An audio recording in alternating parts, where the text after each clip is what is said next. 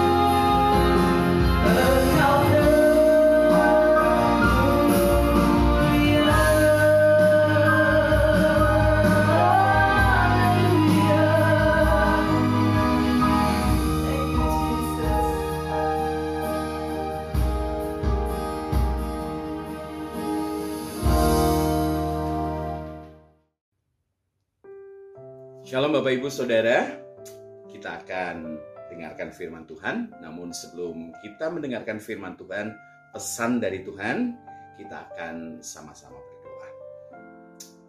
Bapak di surga, terima kasih untuk saat kami bersama, kami jemaatmu mendengar firman Tuhan. Dan dari firman Tuhan itu yang kau berikan pada kami melalui roh kudusmu, kami akan belajar untuk bertumbuh sehingga kami akan mengalami keserupaan dengan putra tunggalmu, Tuhan Yesus Kristus. Roh Kudus akan temani kami, ajari kami, sehingga kami bisa mengerti kebenaran firman Tuhan. Di dalam nama Tuhan Yesus kami berdoa dan sungguh bersyukur. Amin. Shalom Bapak Ibu Saudara, kita akan belajar kebenaran firman Tuhan dan saya yakin kebenaran firman Tuhan ini akan jadi rema buat kehidupan Bapak Ibu Saudara. Pandemi sudah satu tahun berlalu dan banyak di antara kita yang sudah mendengar banyak kabar-kabar bahwa ada saudara-saudara kita yang masih usianya sangat muda dipanggil Tuhan dan kemudian juga banyak ya ekonomi jadi lemah di berbagai, di berbagai sektor dan kita dengar ada banyak berita-berita kekurangan. Ayo, mari kita lihat perspektifnya dari firman Tuhan, Bapak Ibu Saudara. Apa yang sedang Tuhan izinkan terjadi dalam kehidupan umat manusia, terutama untuk orang Kristen, yaitu orang-orang yang percaya kepada Tuhan Yesus. Kita masing-masing kenal ya, kalau kita tinggal di Jawa, kita dengar, kita pasti kenal arti kata menampi. Kita mengerti sekali arti kata menampi. Ya, di Alkitab ada satu ayat yang sangat pendek sebenarnya, tetapi ada satu kata menampi dan kita hari ini akan belajar dari sana. Nah, kita akan baca sama-sama dari Lukas 22, Bapak Ibu Saudara. Kalau dalam Lukas 22 nanti Bapak Ibu Saudara baca Alkitab saja di di rumah masing-masing ya. Pada pada ayat yang ke-24 ya sebelum Tuhan Yesus bicara mengenai kata menampi, ada sesuatu yang luar biasa. Terjadilah juga pertengkaran di antara murid-murid Yesus Siapakah yang dapat dianggap terbesar di antara mereka? Silih sekali, murid-murid Tuhan Yesus sudah ikut tiga setengah tahun, sudah diajari mengenai kerendah hatian, sudah tahu mereka bahwa Tuhan Yesus itu ya anak tunggal Bapa yang turun ke dunia ya kenosis jadi manusia, saudara. Tetapi tetap saja mereka masih sering rame, masih sering ribut soal siapa yang terkemuka. Bahkan kalau Bapak Ibu Saudara baca di kitab yang lain, ya orang tua mereka pun terlibat. Terlibat untuk apa? Untuk untuk memastikan bahwa anak mereka dapat kedudukan yang sangat terhormat. Tentu ini sangat tidak baik ya. Nah, ya mari kita lihat. Saya kita akan loncat Bapak Ibu Saudara kayak 31 ya Terus Tuhan Yesus bicara dengan dengan apa dengan dengan nada yang lantang. Simon, Simon, lihat iblis telah menuntut untuk menampi kamu seperti gandum, ya. Sebab tetapi aku telah berdoa untuk engkau supaya imanmu jangan gugur dan engkau jikalau engkau sudah insaf kuatkanlah saudara-saudaramu. Kita baca ayat berikutnya jawab Petrus. Ya, ketika Tuhan Yesus bilang awas hati-hati iblis menampi kamu tapi Petrus berkata gini Tuhan, ya ini sangat terkenal. Aku bersedia masuk penjara dan mati bersama-sama dengan engkau. Tapi Yesus berkata, ini ayat legend sekali. Aku berkata kepadamu, Petrus. Tadi dikatakan Simon, Simon. Tuhan Yesus bicara, Petrus. ya Hari ini ya, hari ini berarti kurang dari 24 jam. ya Ayam tidak akan berkokok sebelum engkau tiga kali menyangkal bahwa engkau mengenal aku. Nah, Bapak Ibu Saudara, kita lihat. Nah, dunia sedang terjadi eh, prahara ya kacau balau di kanan kiri ya yang namanya pandemi ini sungguh meresahkan ya. Kalau dulu Bapak Ibu Saudara seperti yang kita dengar mengenai flu Spanyol itu terjadi hanya di sekitar Spanyol saja ya. Hanya sekedar Eropa. SARS ya, SARS, flu burung dan lain sebagainya. Yang terjadi hanya apa? Hanya di Taiwan, Cina, Hong Kong. Hanya sebatas itu. Tetapi Bapak Ibu Saudara tahu kan Desember tahun 2019 dari Wuhan tersebar ke seluruh ke, ke seluruh dunia. Dan sekarang sudah bermutasi ke ke varian-varian yang sudah di yang sudah ditandai dengan tingkat keganasan yang luar biasa.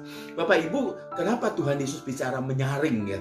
Kalau kita ngayak ibu-ibu yang bisa masak yang buat kue, ngayak itu goncangnya halus. Kalau goncangannya kasar, maka dia akan berterbangan dan bisa-bisa muka kita kena. Tetapi kata menyaring itu berbeda ya kata kata kata menampi itu berbeda. Ada gerakan dinaikkan dan diturunkan. Lebih menunjuk pada tindakan menggoncang. Bapak Ibu Saudara tahu ya kalau yang namanya menampi itu ke samping dan ke atas ya.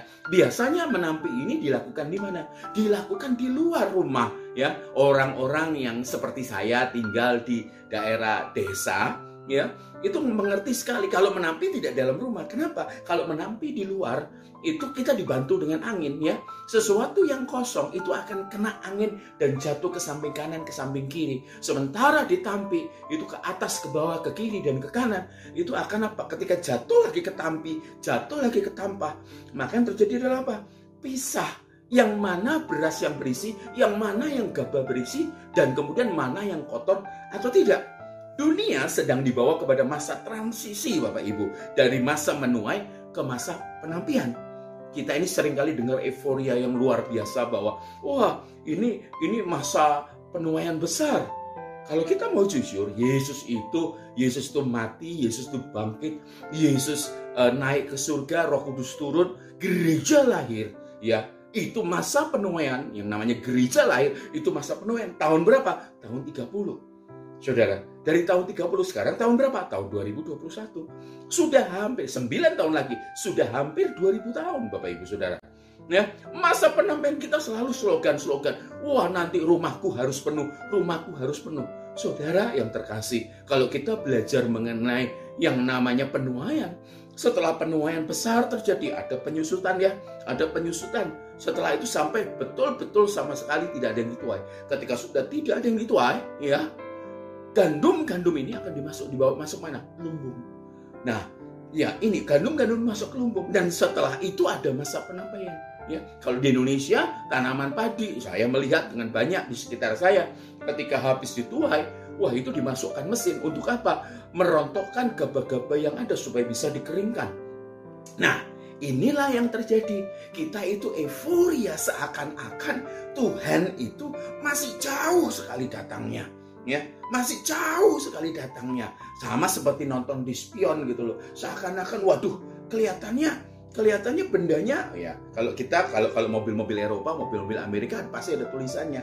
Objek yang terlihat itu jauh lebih dekat daripada kelihatannya. Atau bisa jadi objek yang terlihat itu lebih jauh daripada kelihatannya. Nah, orang-orang sekarang ketika melihat kedatangan Tuhan Yesus merasa seakan-akan ya kedatangan Tuhan Yesus itu jauh nanti. Padahal kita ada di ujung. Masih ada penuaian.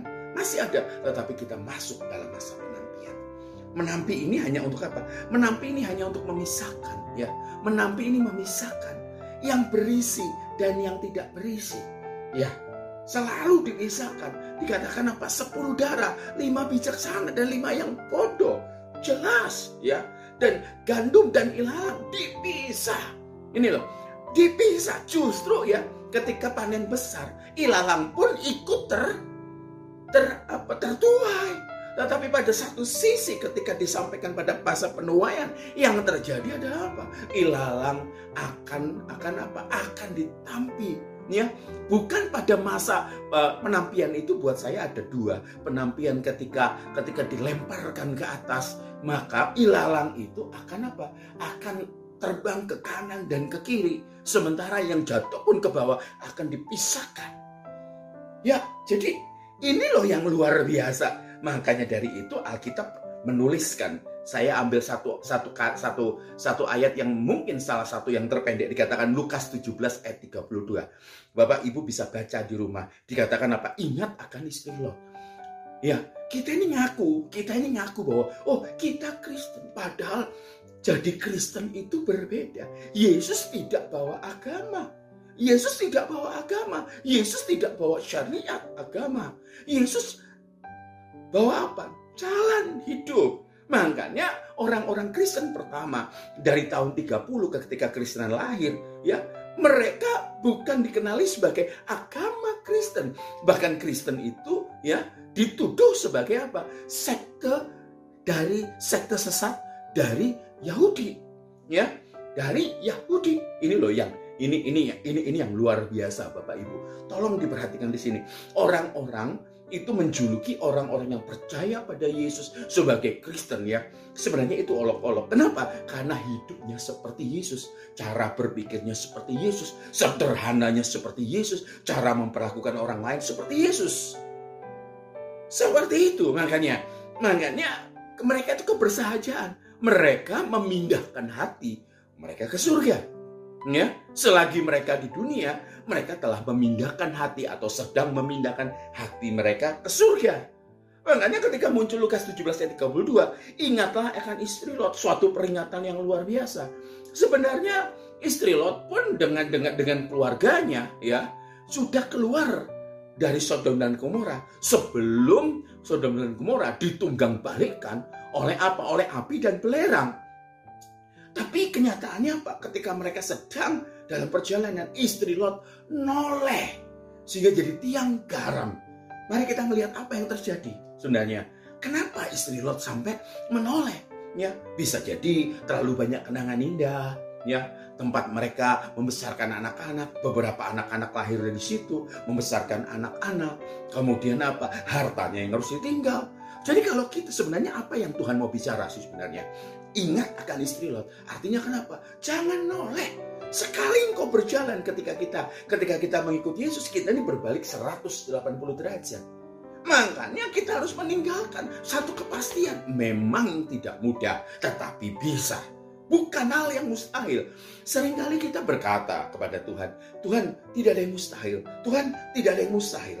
Tidak ada yang mustahil bagi Tuhan. Ya, tetapi kalau saudara berdoa tidak ada yang mustahil. Saat saudara dalam kesesakan, saat saudara sakit penyakit, saudara sedang dalam beban ekonomi, tidak ada yang mustahil. Tetapi giliran Tuhan menuntut saudara untuk menjadi seperti Yesus dan meninggalkan semua. Sama seperti seorang pemuda yang kaya, ketika di, ketika dia tanya kepada Tuhan Yesus, guru yang baik, bagaimana bagaimana dia supaya bisa selamat, ya Oh, semua apa syariat agama sudah dilakukan oleh orang muda. Yang konon bukan hanya kaya, tetapi juga dia apa dia pimpinan sebuah sinagog ini orang hebat saudara. Tetapi Tuhan tahu bahwa dia beribadah. Tetapi dia tidak bertuhan. Tapi ketika dikatakan bagaimana supaya aku diselamatkan. Bagaimana supaya rohaniku berkualitas. Bagaimana supaya manusia batinnya aku berkualitas. Tuhan bicara pada orang muda yang kaya itu. Ya, dikatakan apa? Jual hartamu. Itulah yang dikatakan Tuhan Yesus kepada orang muda. Itulah sebenarnya Tuhan bagi orang bagi orang muda itu. Orang Kristen tidak apa tidak apa-apa jadi kaya. Orang Kristen tidak apa-apa, ya, tidak apa-apa, sama sekali tidak apa-apa untuk memiliki kekayaan yang berlimpah. Masalahnya, masalahnya orang muda yang kaya itu bukan pertuhankan Yahweh, tetapi pertuhankan harta itu. Makanya dia pergi dari Yesus dengan kecewa. Banyak di antara kita yang seperti itu. Ketika diperhadapkan ya, ketika diperhadapkan pasangan beda agama, terus kemudian diperhadapkan untuk menikah, dia selalu nego, nego dengan Tuhan. Tuhan izinkan aku hanya menikah. Menikah saja tapi hatiku tetap dengan engkau tidak bisa.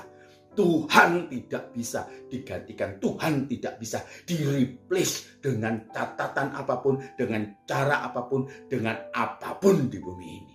Makanya jangan-jangan kita beragama Kristen tetapi tidak bertuhankan Yesus. Nah, makanya banyak orang Kristen yang menoleh. Ya, yang menoleh. Ketika beberapa orang datang kepada saya pada beberapa bulan yang lalu, mereka berkata, "Kenapa banyak artis pindah agama?" Saya tanya kepada mereka, "Kapan mereka jadi Kristennya?" Karena Kristen itu proses. Makanya kita kalau jadi Kristen tidak ada kalimat-kalimat tertentu yang harus kita ucapkan. Ada sih, hanya mengajak untuk Tuhan Yesus masuk dalam hati. Ada. Tetapi untuk jadi Kristen, disebut Kristen, diverifikasi, itu harus seumur hidup. Bagaimana?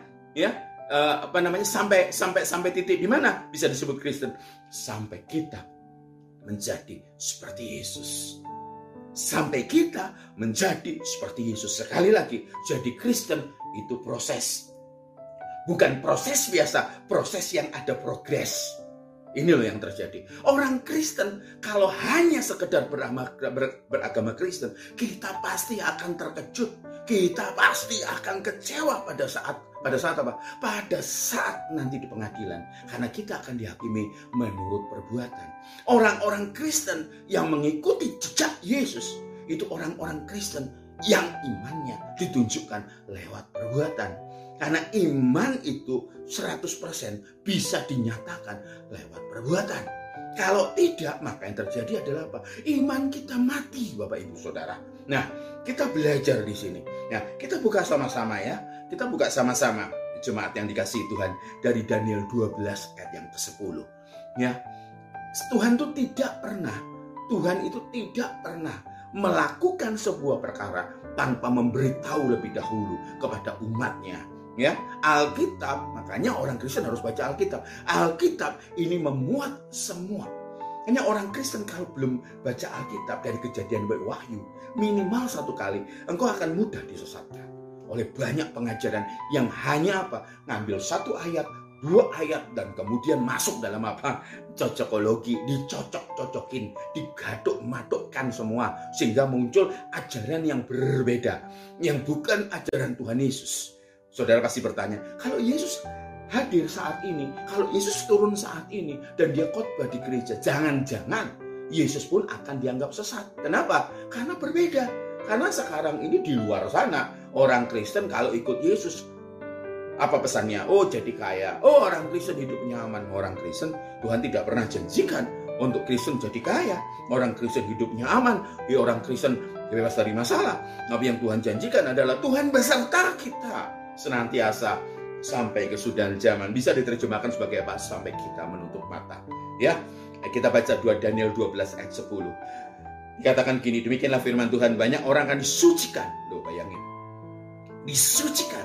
Ini banyak hal yang sudah hilang dari banyak gereja. Perkataan-perkataan seperti ini dan uh, apa namanya pesan-pesan firman Tuhan. Banyak orang akan disucikan dan dimurnikan dan diuji. Tetapi orang-orang fasik akan berlaku fasik loh jadi jangan kaget kalau ada orang-orang fasik, orang-orang jahat, orang-orang licik, orang-orang tukang fitnah.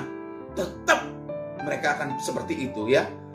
Apa tidak tidak seorang tetapi orang-orang fasik akan berlaku fasik. Tidak seorang pun dari orang fasik itu akan memahaminya. Seperti muncul sebuah kebebalan. Tetapi orang-orang bijaksana, nah bijaksana tuh Alkitab tidak ngomong pintar. Karena bijaksana itu kita dibentuk oleh Tuhan jadi bijaksana, ya dibentuk kebijaksanaan kalau pintar itu hanya belajar saja ya hanya baca textbook dan lain sebagainya tetapi kalau bijaksana itu kita mengalami itu sebenarnya uh, refleksi dari Roma 8 ayat 28 dikatakan apa? Allah bekerja untuk mendatangkan kebaikan. Tuhan izinkan peristiwa-peristiwa hidup untuk menjadikan apa? Hidup kita bijaksana. Melihat bagian mana yang belum selesai bagian mana yang masih dikuasai oleh monster dalam kehidupan kita. Sehingga pada satu titik Roma 828 pada satu titik saudara berani berkata, Tuhan, aku sudah selesai. Pada saat sudah selesai, saudara orang menjadi orang yang paling tidak takut dengan yang namanya kematian. Nah, dikatakan banyak orang yang disucikan. Ini kenyataan. Seluruh kitab Daniel sudah digenapi kecuali yang satu ini. Ya, banyak orang yang disucikan dan dimurnikan. Saudara lihat pemurnian ya, pemurnian emas. Aduh, saudara, ya salah satu adik rohani saya tuh kerja di pabrik emas sehingga dia tahu pemurnian itu pakai api dan sangat tidak menyenangkan. Jadi kalau orang Kristen ya sedang api besar masalah terjadi dalam hidupmu ingat sebentar lagi kamu murni. Saudara jangan mengeluh kalau semua orang-orang di dunia ini melihat kita orang Kristen respon kita terhadap masalah bukan hanya Bapak Ibu Saudara yang sedang mengalami apa dampak dari Covid itu baik penyakit baik kematian baik juga soal ekonomi. Tetapi masalahnya adalah apa? Apakah orang-orang yang percaya pada Yesus, orang-orang yang mengejar keserupaan yang sempurna dengan Yesus, memiliki respon yang benar? Kalau respon kita salah, ya respon kita salah, kita jadi cermin yang buruk, ya sehingga kita menampakkan wajah Tuhan yang salah, sehingga orang akan melihat ke Kristen kok seperti ini. Jadi kalau orang Kristen itu disucikan, Ya, Saya kembali lagi soal perkataan kesucian. Hari-hari ini makin jarang kata kesucian yang ada. Mereka berkata ajaran-ajaran banyak yang permisif di sana. Dikatakan apa? Wah udahlah nggak usah ngomong kesucian. Tidak ada orang bisa sempurna. Padahal Tuhan Yesus di Matius 5:48 berani berkata, haruslah kamu sempurna. Jadi kebenaran firman Tuhan ini luar biasa saudara. Ya, penyucian penyucian terjadi, pemurnian terjadi, dan diuji inilah yang dikatakan masa penampian. Ya, ini Daniel bicara dengan dengan diurapi oleh Roh Allah mengenai apa? Mengenai sesuatu yang akan terjadi di masa depan. Itu luar biasa, Bapak Ibu Saudara. Oleh sebab itu, kita harus prepare. Ya, harus prepare. Pak Michael Sony, ini sudah satu tahun lebih loh. Udah satu tahun lagi. Sudah sudah satu tahun lebih. Dari Maret, sekarang udah Juni. Maret tahun lalu sudah bulan Juni. Ya, satu tahun satu tahun tiga bulan, lima belas bulan. Ya, kita tidak tahu sampai berapa berapa lama yang namanya pandemi ini ada. Tetapi kalau pandemi ini ada, ya pandemi ini ada, kita bersyukur. Kenapa? Karena kita diajar kembali oleh Tuhan. Untuk apa? Untuk kembali mengandalkan Tuhan dan berharap kepada Tuhan. Saya harap Bapak Ibu bisa mengerti kita baca 2 Timotius 3 ayat 1 sampai 5. Ya. Kalau saya terlalu cepat saya minta maaf karena apa namanya? Betul-betul ini yang sedang di ini yang betul-betul yang disampaikan oleh Tuhan untuk menguatkan jemaat Tuhan.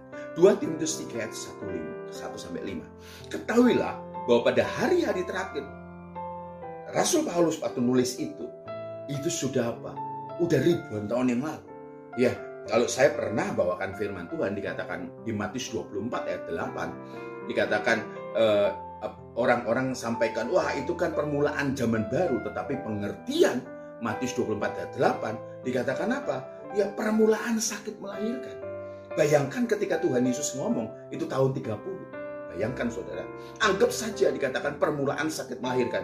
Perempuan itu sakit melahirkannya itu buka satu sampai buka yang terakhir. Kalau tahun tahun 30 itu buka satu, ya no wonder jangan kaget, jangan terheran-heran. Sekarang sudah makin makin gila-gilaan gitu loh. Ya, gempa bumi sendiri sekarang lebih gila-gilaan ya. Bencana lebih gila-gilaan. Orang dulu kalau mati satu dua tiga itu suatu hal kengerian. Sekarang kalau mati ribuan itu mungkin sebuah hal yang lumrah. Kenapa? Karena kita ada di ujung, di akhir, akhirnya, akhir zaman. Sungguh bodoh bagi kita kalau kita tidak pernah bersiap, kita tidak berkemas-kemas, ya. Bahwa pada hari-hari terakhir, makanya kalau ada orang ngajar, oh everything is gonna be alright, semuanya akan jadi baik-baik saja, bertentangan dengan Alkitab. Alkitab bilang ketahuilah bahwa pada hari-hari terakhir akan datang masa yang sukar. Ya, makanya kalau ini sekitar apa? Ketika abad pertama, ini makin ke sini ya abad 21, abad itu abad pertama, beda 20 abad saudara. Yang terjadi adalah apa? Ya masa yang sukar. Coba bayangkan, terjadi eskalasi dari abad pertama sampai abad 21. Manusia akan mencintai dirinya sendiri. Loh bayangkan. Ya, dunia politik. Manusia akan mencintai dirinya sendiri. Loh bayangkan. Saudara, makanya jangan kaget kalau ada istilah aja. Ada istilah apa? Oh iya, semuanya yang elektronik kasih I, I, iPhone, my, my ya dikatakan myself self selfie loh. Ya makanya banyak orang yang mencintai dirinya sendiri. Narsistik itu naik naik luar biasa ya. Naik luar biasa. Makanya kalau foto-foto kadang-kala saya juga heran ada beberapa orang kalau beli handphone itu bukan beli kapasitas tapi ditanya kamera depan berapa? Kamera belakang berapa Kenapa? Ingin menonjolkan berapa kali ngambil foto, 20 foto. Hanya apa? Di filter, di satu-satu filter. Supaya apa? Nonjolin dirinya sendiri. Ya, itu salah. Hmm, saudara bisa nilai sendiri. Dan menjadi hamba uang, bayangkan. Demi uang, saudara. ya Demi uang kita ini kenal ya. Kita kenal pada saat beberapa saat yang lalu ada apa? Ada orang-orang yang demi politik ya memainkan segala sesuatu. Yang bisa dimainkan siapa? Bahkan pendeta-pendeta pun bisa dimainkan. Kenapa? Karena cinta akan uang itu. Karena cinta akan uang, saudara. Pengajaran-pengajaran di gereja bisa dibelok. bisa dibelokkan. Saya sebagai hamba Tuhan, sudah puluhan tahun saya, sudah puluhan tahun saya membawakan firman Tuhan. Saya bisa melihat banyak sekali bintang-bintang jatuh. Kenapa? Karena uang. Ya, hati-hati, hati-hati, hati-hati. Sekali lagi, hati-hati. Dikatakan apa? Mereka akan membual. Coba bayangkan saudara. Belum pernah ada yang namanya zaman 10 tahun tahun terakhir ini yang namanya apa? Kita mungkin 10 tahun terakhir ini. Hoax. Ya, H O H O A X. Ho, kata orang hoax, tapi hoax. Ya. Wah, banyak sekali. Kita kadang-kadang kalau melihat sebuah berita ini hoax atau bukan? Ya. Dikatakan apa? Membual, menyombongkan diri. Ya, saudara lihat ya kesombongan luar biasa orang-orang orang-orang mempamerkan sesuatu. Kenapa? Bapak Ibu Saudara, sekali lagi saya katakan tidak apa-apa punya mobil mewah. Tetapi masalahnya adalah apa? Hidupmu lengkap kalau dengan mobil mewah. Hidupmu lengkap kalau dengan gadget mahal. Hidupmu lengkap kalau dengan jam tangan mahal. Hidupmu lengkap kalau pakai sesuatu yang branding. Maka ada yang masalah. Kenapa? Kenapa? Karena karena karena kenapa? Karena itu artinya hidupmu kosong, hidupmu tidak memiliki apa-apa.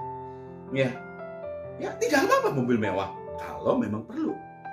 Ya, hidupmu sudah lengkap tanpa mobil itu. Ya, mobil itu hanya sekedar kendaraan.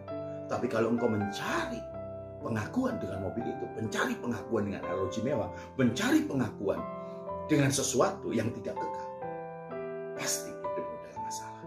Ya, Pak, yang benar saja, buktikan di pengadilan nanti. Ya, dikatakan apa? Ya, mereka akan menjadi pemfitnah. Mereka akan berontak terhadap orang tua. Ya saya bacakan terus. Dan tidak tahu berterima kasih ya. Yang kita ini saya papi saya orang Jawa bahkan dari Solo. Ya ibu saya dari Manado. Kita ngomong orang-orang Jawa. Ya orang-orang Jawa dikenal punya pribadi yang seperti apa. Toh pada kenyataannya makin ke sini makin terjadi dekadensi makin terjadi penurunan. Ya ayo. Ini loh yang terjadi kita mesti prepare tidak mempedulikan agama. Saudara, ya. Atau intinya tidak pedulikan Tuhan. Kalau kita betul-betul cinta Tuhan, kita akan apa? Bergaul dengan dia, bergaul firmannya, bergaul lewat doa. Saudara, ayo. Ya, berkemas-kemas ismin, saudara baca, geluti, gumuli firman Tuhan. Mudah bagi saudara kalau bergaul dengan firman Tuhan. Kalau hidupmu lagi susah, hutangmu lagi jatuh tempo, engkau lagi sakit penyakit. Tapi kalau hidupmu fine, semuanya fine-fine saja, semuanya baik-baik saja. Dan saudara memilih untuk mencari Tuhan, itulah cinta. Ya, ini dikatakan apa? Tidak mau berdamai, suka menjelekkan orang, tidak dapat mengekang diri, garang, tidak suka yang baik, suka mengkhianat, tidak berpikir panjang, berlagak tahu, lebih berhawa nafsu daripada menuruti Allah. Secara lahiriah sudah di highlight sama Rasul Paulus ya. Mereka menjalankan ibadah mereka, tapi pada hakikatnya mereka memungkiri kekuatannya. Jauhilah mereka itu. Nah, Pak Michael Sony, penampian itu apa? Penampian ini sedang Tuhan izinkan. Untuk apa? Untuk melihat mana yang benar-benar anak-anak anak-anak yang dewasa, putra-putri kerajaan Allah, dan mana yang bukan. Sekali lagi, bagi orang Kristen yang benar, bukan soal masuk surga. Bukan soal masuk surga.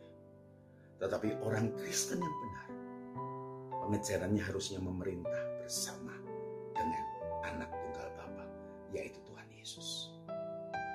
Dunia sedang menghadapi berbagai krisis mulai dari krisis politik, ekonomi, sosial, pandemik, ekosistem bumi, anomali cuaca, radikalisme, dan lain sebagainya. Dunia sedang ditampi. Penampian pertama, ilalang itu akan terbang dengan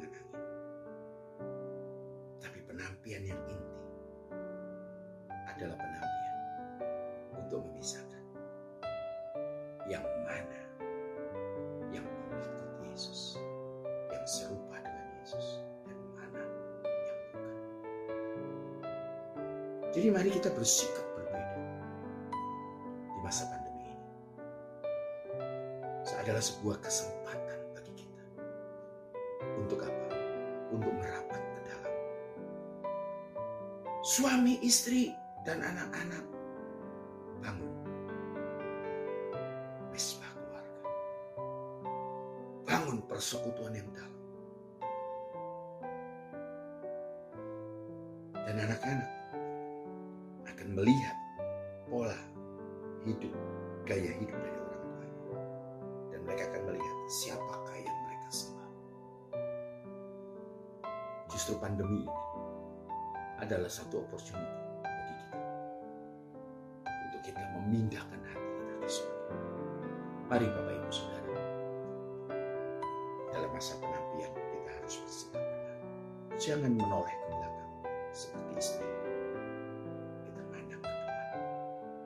sampai hidup kita selesai di bumi ini. Kita berdoa.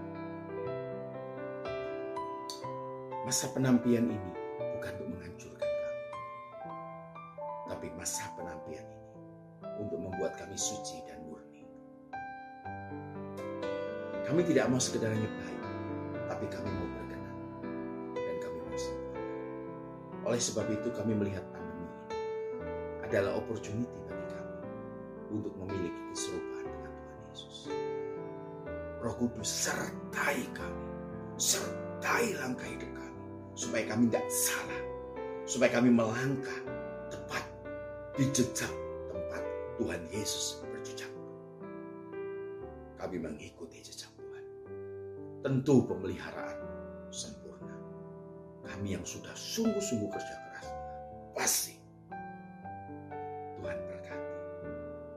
Kami yang sungguh-sungguh jaga kesehatan, pasti dilindungi. Kami percaya Tuhan. Dan seluruh jemaat yang dengar firman Tuhan ini diberkati dalam nama Tuhan Yesus. Putra Tunggal Bapa di surga. Amin. Tuhan Yesus berkati. Terus bertumbuh.